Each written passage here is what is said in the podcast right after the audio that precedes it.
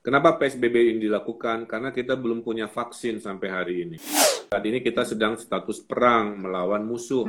Nah, kalau perang, mari kita bela negara. Apa bela negaranya? Dengan harta, dengan tenaga, dengan ilmu, dan juga dengan disiplin menjauhi kerumunan. Dari atasnya seolah-olah berteori akan aman, padahal di lapangan ternyata tidak aman. Ini kan urus urusan nyawa. Jadi tolong kebijakan juga punya rentang kendali yang sifatnya menyesuaikan dengan situasi di lapangan.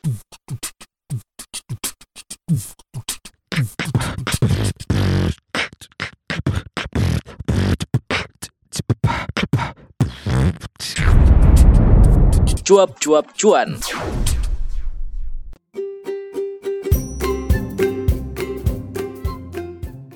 Langsung saja kita invite uh, dalam diskusi ini Kang Emil atau Ridwan Kamil.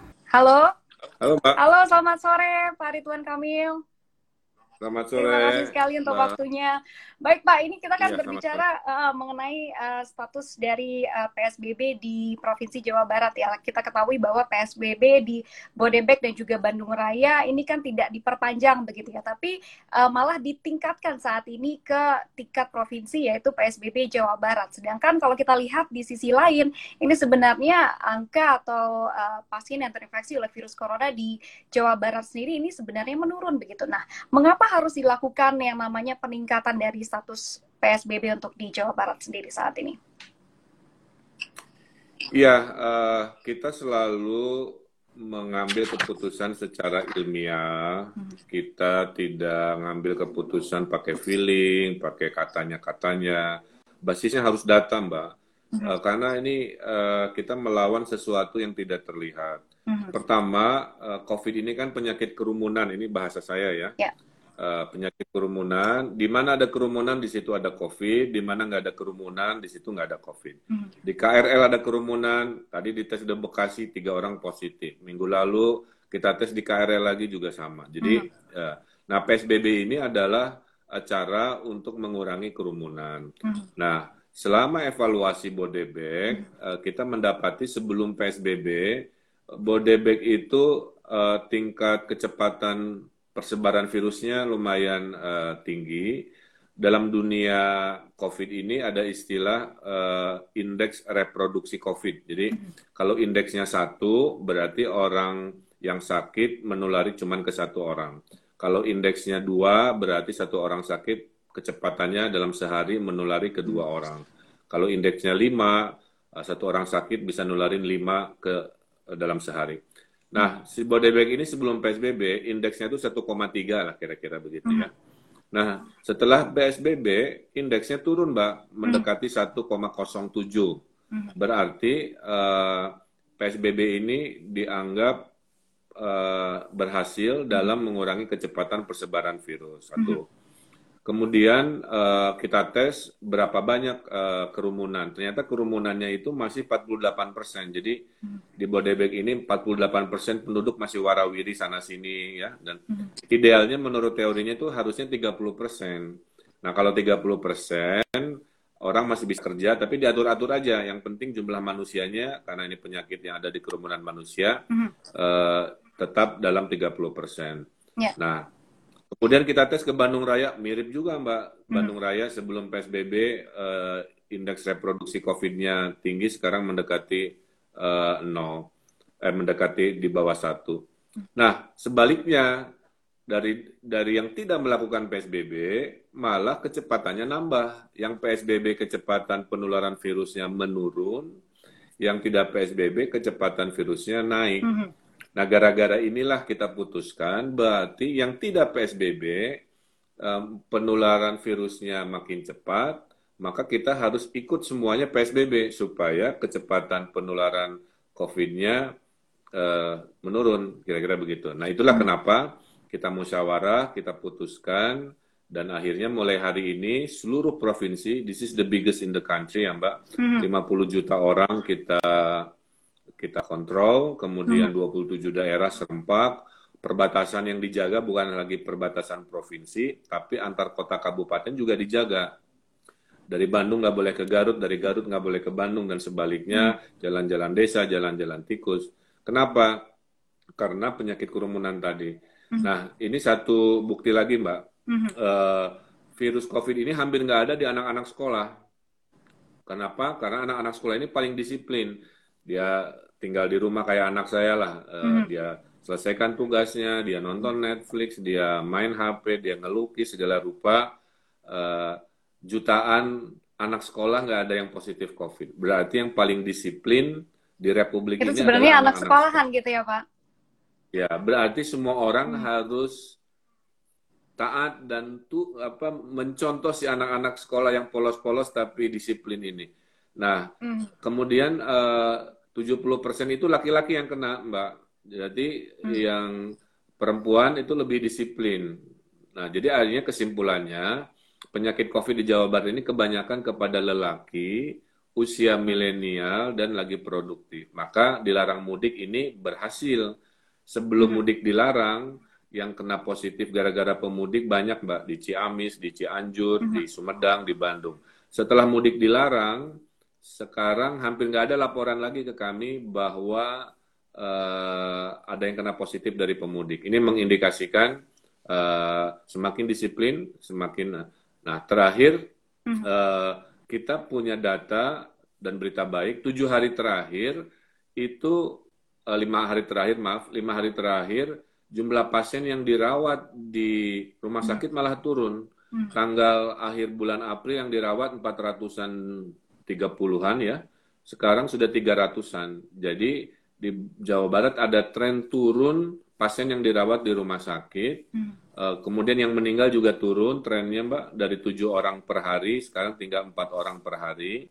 Kemudian yang sembuh naik kecepatannya dua kali lipat. Berarti Nah, ini ada ini- penurunan begitu ya, Pak ya, baik dari yang terinfeksi Iya dan ada juga penurunan. uh, angka yang Betul. uh, meninggal ini juga turun begitu. Lantas mungkin seberapa optimistisnya uh, PSBB Jawa Barat ini bisa lebih mungkin menekan lagi penyebaran dari COVID-19 ini? Apakah mungkin ada target tertentu begitu, Pak?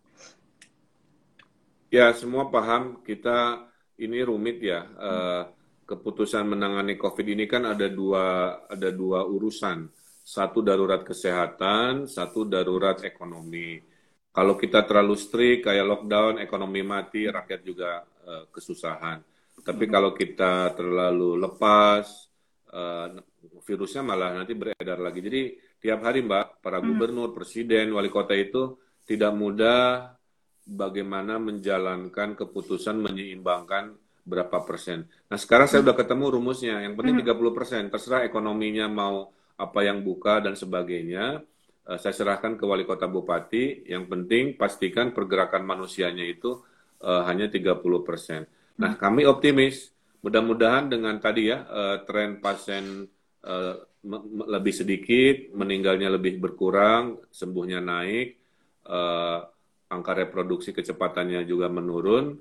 Kalau seluruh provinsi Jawa Barat melakukan dalam satu irama, satu serempak, harusnya 14 hari ini uh, good news coming from West Java lah kira-kira begitu. Mhm. Good news-nya ini apakah mungkin berupa uh, kasus uh, pasien terinfeksi ini mungkin kalau dari target sendiri begitu Pak, apakah mungkin uh, bisa begitu mencatatkan nol kasus dalam seharinya apa bagaimana kalau Eh, targetnya sendiri? Saya nggak mau saya nggak mau takabur ya Mhm. Mbak. Uh, I think it's very impossible lah. Sebelum kita kita ketemu vaksin ya, uh, saya meyakini it's impossible to reach nol kira-kira begitu. Kecuali kalau sudah punya vaksin di akhir tahun. Mhm. Nah, yang bisa kita lakukan adalah memaintain uh, itu di bawah kendali lah.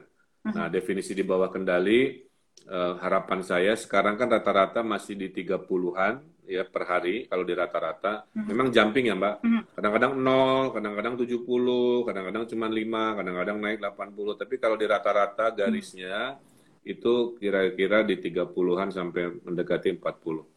Nah, eh, harapan kita kalau sudah bisa di bawah 10 per hari eh, untuk populasi Jawa Barat yang 10 eh, sorry 50 juta Mhm. eh, itu harusnya eh, masuk dalam kategori bisa dikendalikan sehingga kita akan melakukan relaksasi di daerah-daerah yang secara ilmiah terbukti eh, zero covid kira-kira gitu ya. Mhm. Nah, Relaksasinya ini seperti apa zero, nih Pak, kira-kira? Ya, uh, dibuktikan dulu Anda zero COVID nggak daerahnya. Uh, buktinya apa ya? Anda harus ngetes. Gimana cara ngetes? 0,6 persen Mbak teorinya. Jadi hmm. kalau punya, uh, katakanlah si kelurahan itu punya sepuluh ribu penduduk kira-kira gitu ya. Nah, berarti dia harus ngetes uh, kurang lebih 0,6 persen, sekitar uh, 300 orang. Uh, uh, kalau terbukti random sampling ini negatif, uh, maka dia bisa direlaksasi. Apa itu relaksasi? Hmm. Artinya kehidupan bisa normal, tapi tetap jaga jarak, ya, tetap hmm. jaga jarak.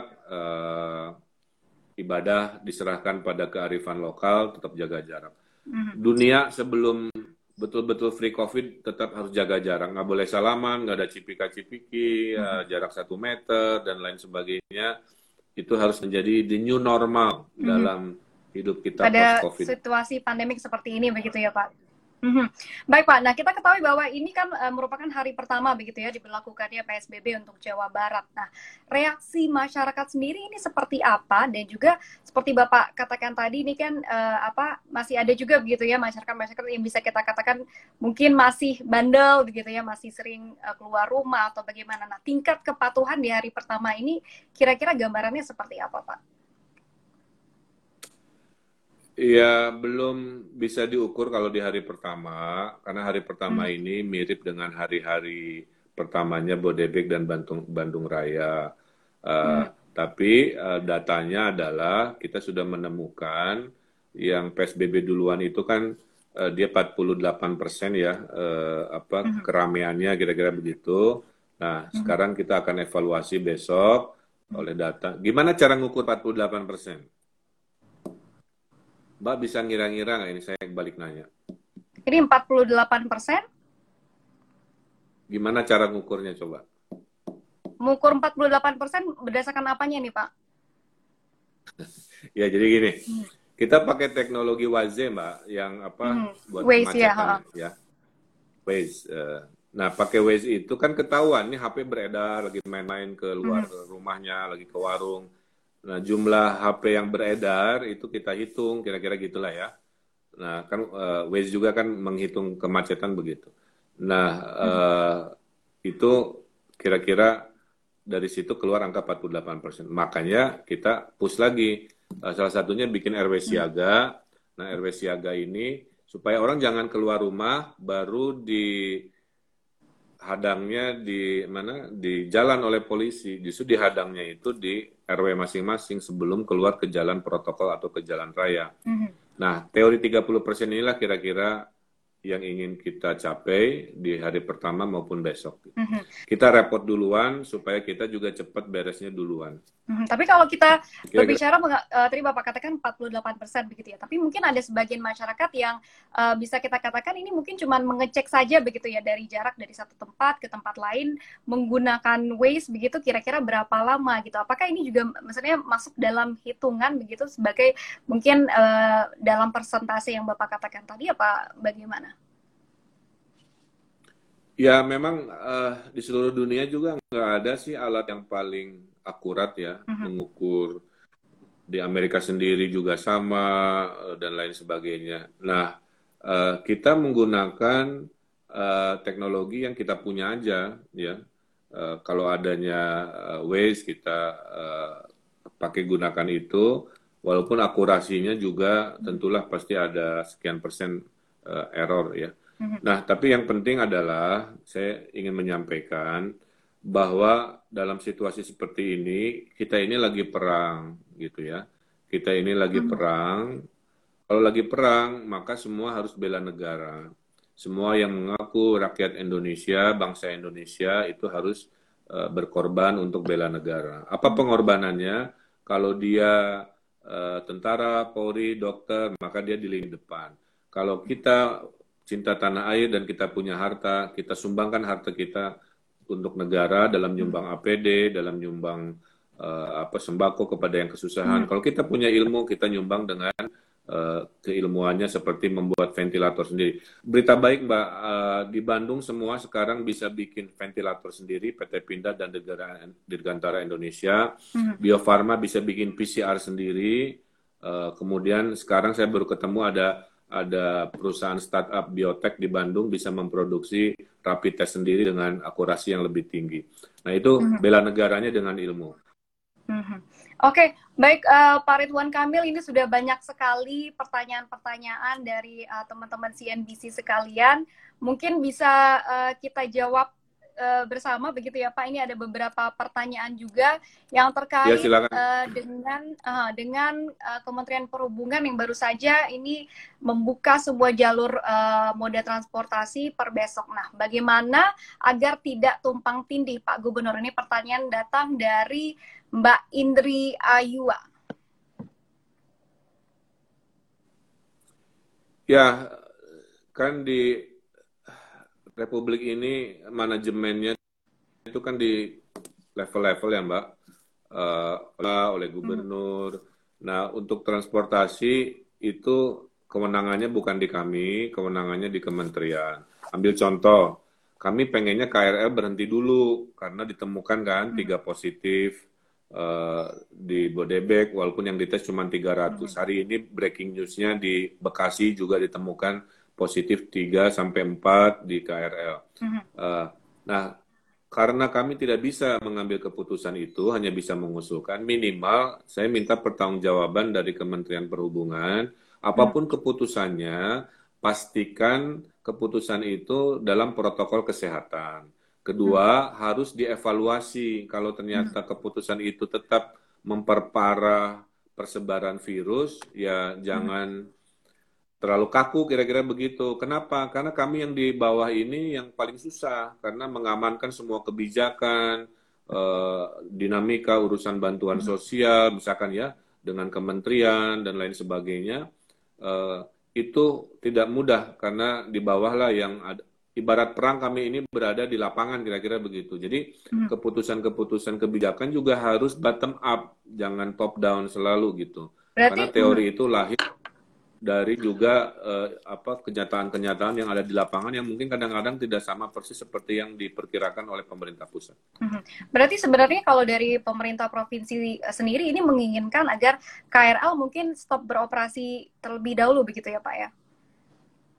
Ya kita ada usulan uh, digeser ke transportasi darat yang hmm. lebih bisa diatur uh, jumlahnya. Kedua kita lihat yang tiga positif di Bekasi hari ini hmm. ya mhm itu karena karena kan ngantornya di Jakarta karena di hmm. Jakarta kantornya belum tutup maka karyawannya yang tinggal di Bekasi terpaksa hmm. harus ke Jakarta kan begitu dan akhirnya hmm. kena positif. Nah opsinya perusahaan-perusahaan juga menyediakan transportasi untuk karyawannya kalau dia kalau dia hmm. ngotot buka di Jakarta saat PSBB dia hmm. juga harus bertanggung jawab dengan transportasi hmm. karyawannya itu poin saya. Hmm. Jadi kalau misalkan CNBC mau buka ya CNBC hmm. harus juga menyediakan transportasi buat karyawannya yang berada di luar Jakarta kira-kira gitulah hmm. ini hmm. mungkin jadi solusi tapi kembali lagi kebijakan ada di pusat hmm. yang saya akan terus lakukan update data hmm. yang penting kalau ada data negatif hmm. jangan tutup mata bahwa realita di lapangan tidak seindah hmm. yang dikonsepkan gitu. Mm -hmm. Oke okay, baik Pak, tapi kan uh, kita ketahui bahwa saat ini kan mungkin memang belum bisa begitu ya dilakukan penyetopan operasional untuk KRL ini sendiri. Namun uh, tindakan pencegahan apa saja nih yang mungkin bisa dapat dilakukan di stasiun dan juga di KRL-nya sendiri untuk mencegah penyebaran dari COVID-19 ini Pak? Ya kami kami akhirnya melakukan tes setiap hari Pak di di stasiun itu saya perintah saya. Uh, kemudian uh, urusan uh, sos, apa physical distancing di gerbongnya kan itu di luar kewenangan kami. Kami hmm. sudah koordinasikan dengan uh, apa kereta kereta komuter lain. Uh, hmm. Yang bisa kita lakukan adalah kita melakukan sampling masif tes, Mbak. Tapi hmm. dengan PCR.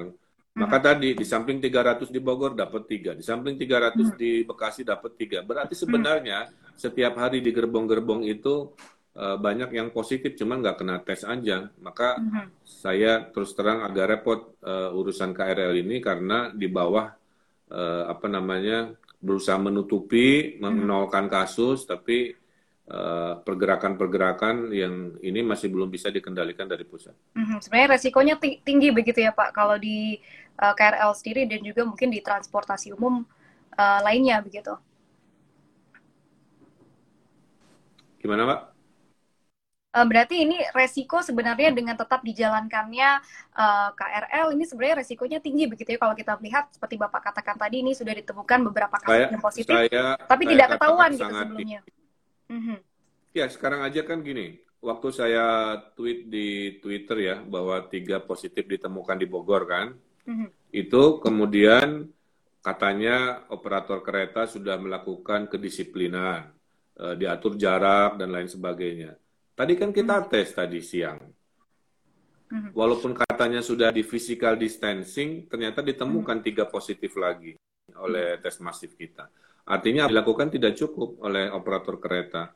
Saya tetap meyakini KRL adalah eh, apa sementara ini adalah transportasi yang paling rawan pembawa virus COVID melalui orang-orang OTG, orang tanpa gejala. Gejala begitu ya. Oke Pak, baik. Mungkin selanjutnya kita Ya, akan jawab orang uh, juga uh, pertanyaan dari sahabat-sahabat dari CNBC. Ini ada dari Tony Hayete. Assalamualaikum Pak Gubernur, kapan bansos untuk Kabupaten Bogor turun untuk saat ini? Kami warga Kabupaten Bogor, Kecamatan Lui Sadeng, Desa Sadeng Bogor belum sama sekali menerima bansos tersebut. Nah, uh, bagaimana ini Pak kalau terkait dengan bantuan sosial untuk masyarakat sendiri? Iya, saya sudah sampaikan berkali-kali Mhm. pintu bantuan ke masyarakat Jawa Barat itu banyak ada delapan ya Mhm. eh, di mana enamnya oleh pemerintah pusat satu per delapannya oleh pemerintah provinsi satu per delapannya adalah oleh bupati wali kota Mhm. kalau yang provinsi sudah dilakukan dari tanggal 15 tapi pemerintah eh, Kementerian Sosial baru mulai tanggal 20 Eh, kemudian Kementerian Desa beda lagi, memilihnya tanggal 27 April Hmm. kemarin. Kemudian bansos presiden yang eh, apa namanya sembako baru mulainya eh, tanggal 4 Mei. Jadi bisa dibayangkan semua punya jadwal sendiri-sendiri, sudah dijadwal sendiri-sendiri juga bertahap. Jadi warga ada yang sudah dapat, ada yang belum dapat kira-kira begitu.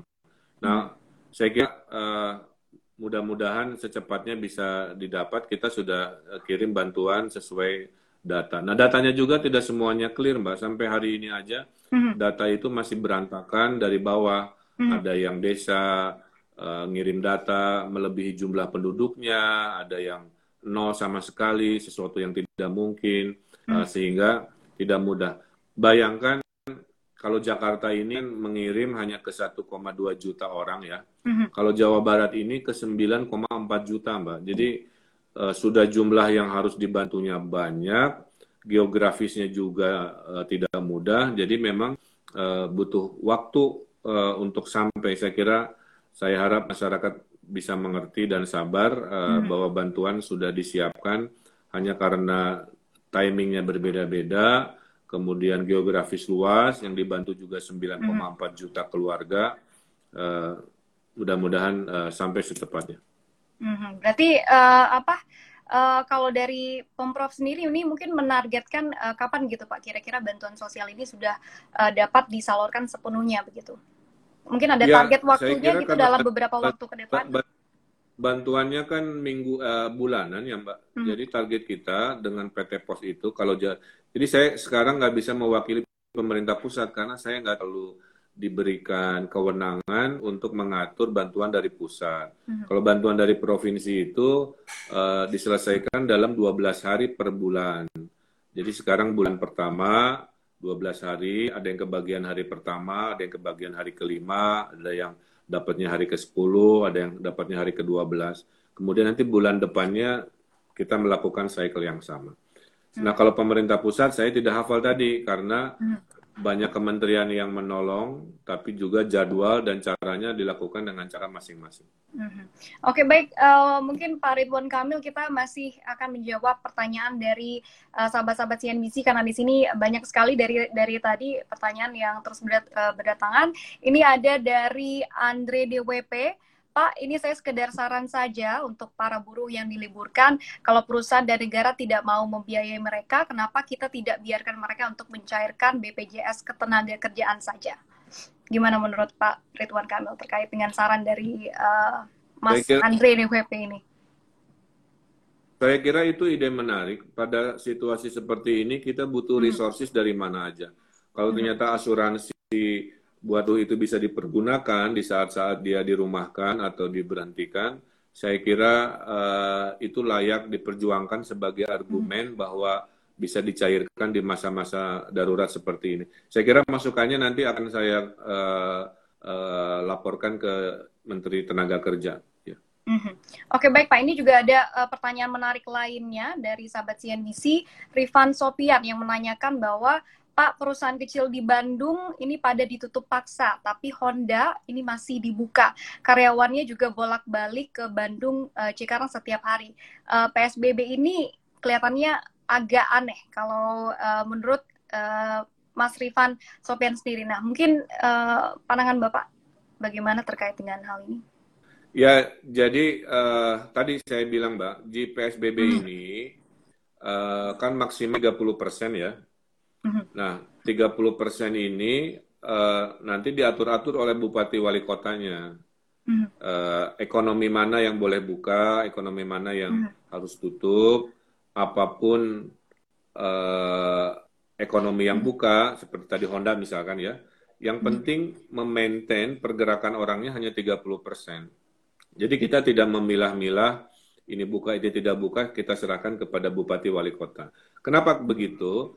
Uh, ekonomi di kota Bekasi yang sangat padat itu hmm. beda dengan ekonomi di Pangandaran yang sifatnya desa, yang hmm. sifatnya pariwisata. Jadi mana yang ditutup dan tidak ditutup tidak bisa dipukul rata, Mbak. Hmm. Kita tidak bisa menggunakan logika Jakarta uh, misalkan sebagai kota untuk dijadikan patokan mana tutup tidak tutup di Kabupaten Ciamis misalkan ya dan lain sebagainya.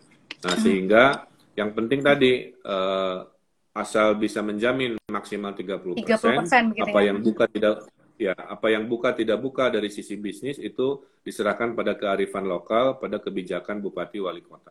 Mm-hmm. Oke Pak, ini baik uh, ini masih terkait dengan uh, eh, PSBB ini. Ini ada yang menanyakan dari Yayat Supriyatno yang menanyakan bahwa Pak Ridwan Kamil bagaimana antisipasi Pemprov terkait dengan rencana transportasi publik yang akan diaktifkan lagi oleh Kementerian Perhubungan. Mungkin ada antisipasinya Pak ya. uh, ke depannya.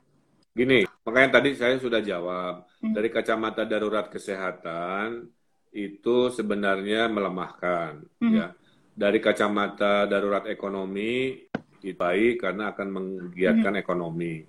Uh, yang hmm. penting saya minta Kementerian Perhubungan menjamin uh, hmm. apa protokol kesehatan itu uh, dijaga kira-kira begitu kan? Kemudian kami akan menyampling, Mbak, menyampling hmm. uh, mereka di moda-moda transportasi yang coba dibuka ini dengan hmm. tes masif. Kalau ditemukan ada positif, saya minta kebijakan jangan kaku dan kalau bisa diberhentikan dulu harus fleksibel gitu. Nah, hmm. itu kira-kira jangan dari atasnya seolah-olah berteori akan aman, padahal di lapangan ternyata tidak aman. Sebaliknya ya. Nah, hmm. ini kan urus urusan nyawa. Jadi tolong kebijakan juga punya rentang kendali yang sifatnya uh, menyesuaikan dengan situasi di lapangan. Oke, okay. baik Pak. Mungkin yang terakhir gini Pak, karena ini juga waktunya sudah mau habis. Nah, mungkin pesan dari Pak Ridwan Kamil sendiri kepada warga Jawa Barat untuk menghadapi PSBB ini kira-kira uh, seperti apa Pak? Ya, ini pesan terakhir saya buat hmm. warga Jawa Barat khususnya COVID ini penyakit kerumunan, ada kerumunan, ada COVID, tidak ada kerumunan, tidak ada COVID. Hmm. PSBB ini mencoba untuk menyelesaikan uh, COVID dengan cara menjauhi kerumunan. Kenapa PSBB ini dilakukan? Karena kita belum punya vaksin sampai hari ini. Sebelum kita punya obat, punya vaksin, maka cara melawan penyakit adalah menjauhi uh, penyakit. Karena penyakitnya ada di kerumunan, hmm. maka logika mengatakan obat tidak ada, vaksin tidak ada, ya modal terakhir adalah menjauhi kerumunan. Seperti Amerika, negara-negara Eropa juga sama susahnya, apalagi kita yang nggak banyak duit. Maka modal kita ini hanya modal, apa itu modal sosial? Modal ketaatan pada peraturan, modal pada keikhlasan untuk bersabar dan mengikuti arahan. Maka tadi saya bilang, saat ini warga Jawa Barat, uh, follower CNBC, saat ini kita sedang status perang melawan musuh. Nah, kalau perang, mari kita bela negara. Apa bela negaranya? Dengan harta, dengan tenaga, dengan ilmu, dan juga dengan disiplin menjauhi kerumunan. Nah, kita susah sama-sama. Orang miskin susah, orang kaya juga susah, negara berkembang susah, negara maju susah. Karena itu lebih baik kita repot sama-sama di PSBB ini supaya kita bisa selesai sama-sama. Kenapa kita harus optimis? Karena membuktikan PSBB tahap 1 di Bodebek dan Bandung Raya itu yang sakit menurun, kecepatan menurun, tapi belum cukup untuk membuat kesimpulan bahwa pandemi ini akan selesai. Nah, tapi dengan tren yang baik ini, uh, mudah-mudahan kesabaran kita lebih meningkat di bulan Ramadan ini, karena bulan Ramadan adalah bulan berkah, bulan penuh kesabaran, bulan tolong menolong. Uh, mudah-mudahan di bulan Ramadan ini keikhlasan kita untuk bersabar ditinggikan. Kira itu saja yang saya titip mudahan dan saya tutup di, di era perang seperti ini Jangan tanya apa yang negara bisa berikan untuk Anda, tanyalah apa yang Anda bisa berikan untuk negara. Kira-kira itu uh, semangat pengorbanan kita untuk menang melawan COVID-19 ini. Terima kasih. Mhm. Berarti intinya harus tetap disiplin begitu ya Pak ya, semua uh, warga Jawa Barat. Baik Pak Ridwan Kamil, Gubernur Jawa Barat, terima kasih sekali untuk uh, waktu Anda bersama CNBC Indonesia. Tetap uh, sehat selalu ya Pak. Sama-sama. Baik, dan demikian semoga teman-teman CNBC selalu sehat, selalu stay safe, stay at home, and uh, stay tuned on CNBC Indonesia Beyond Business.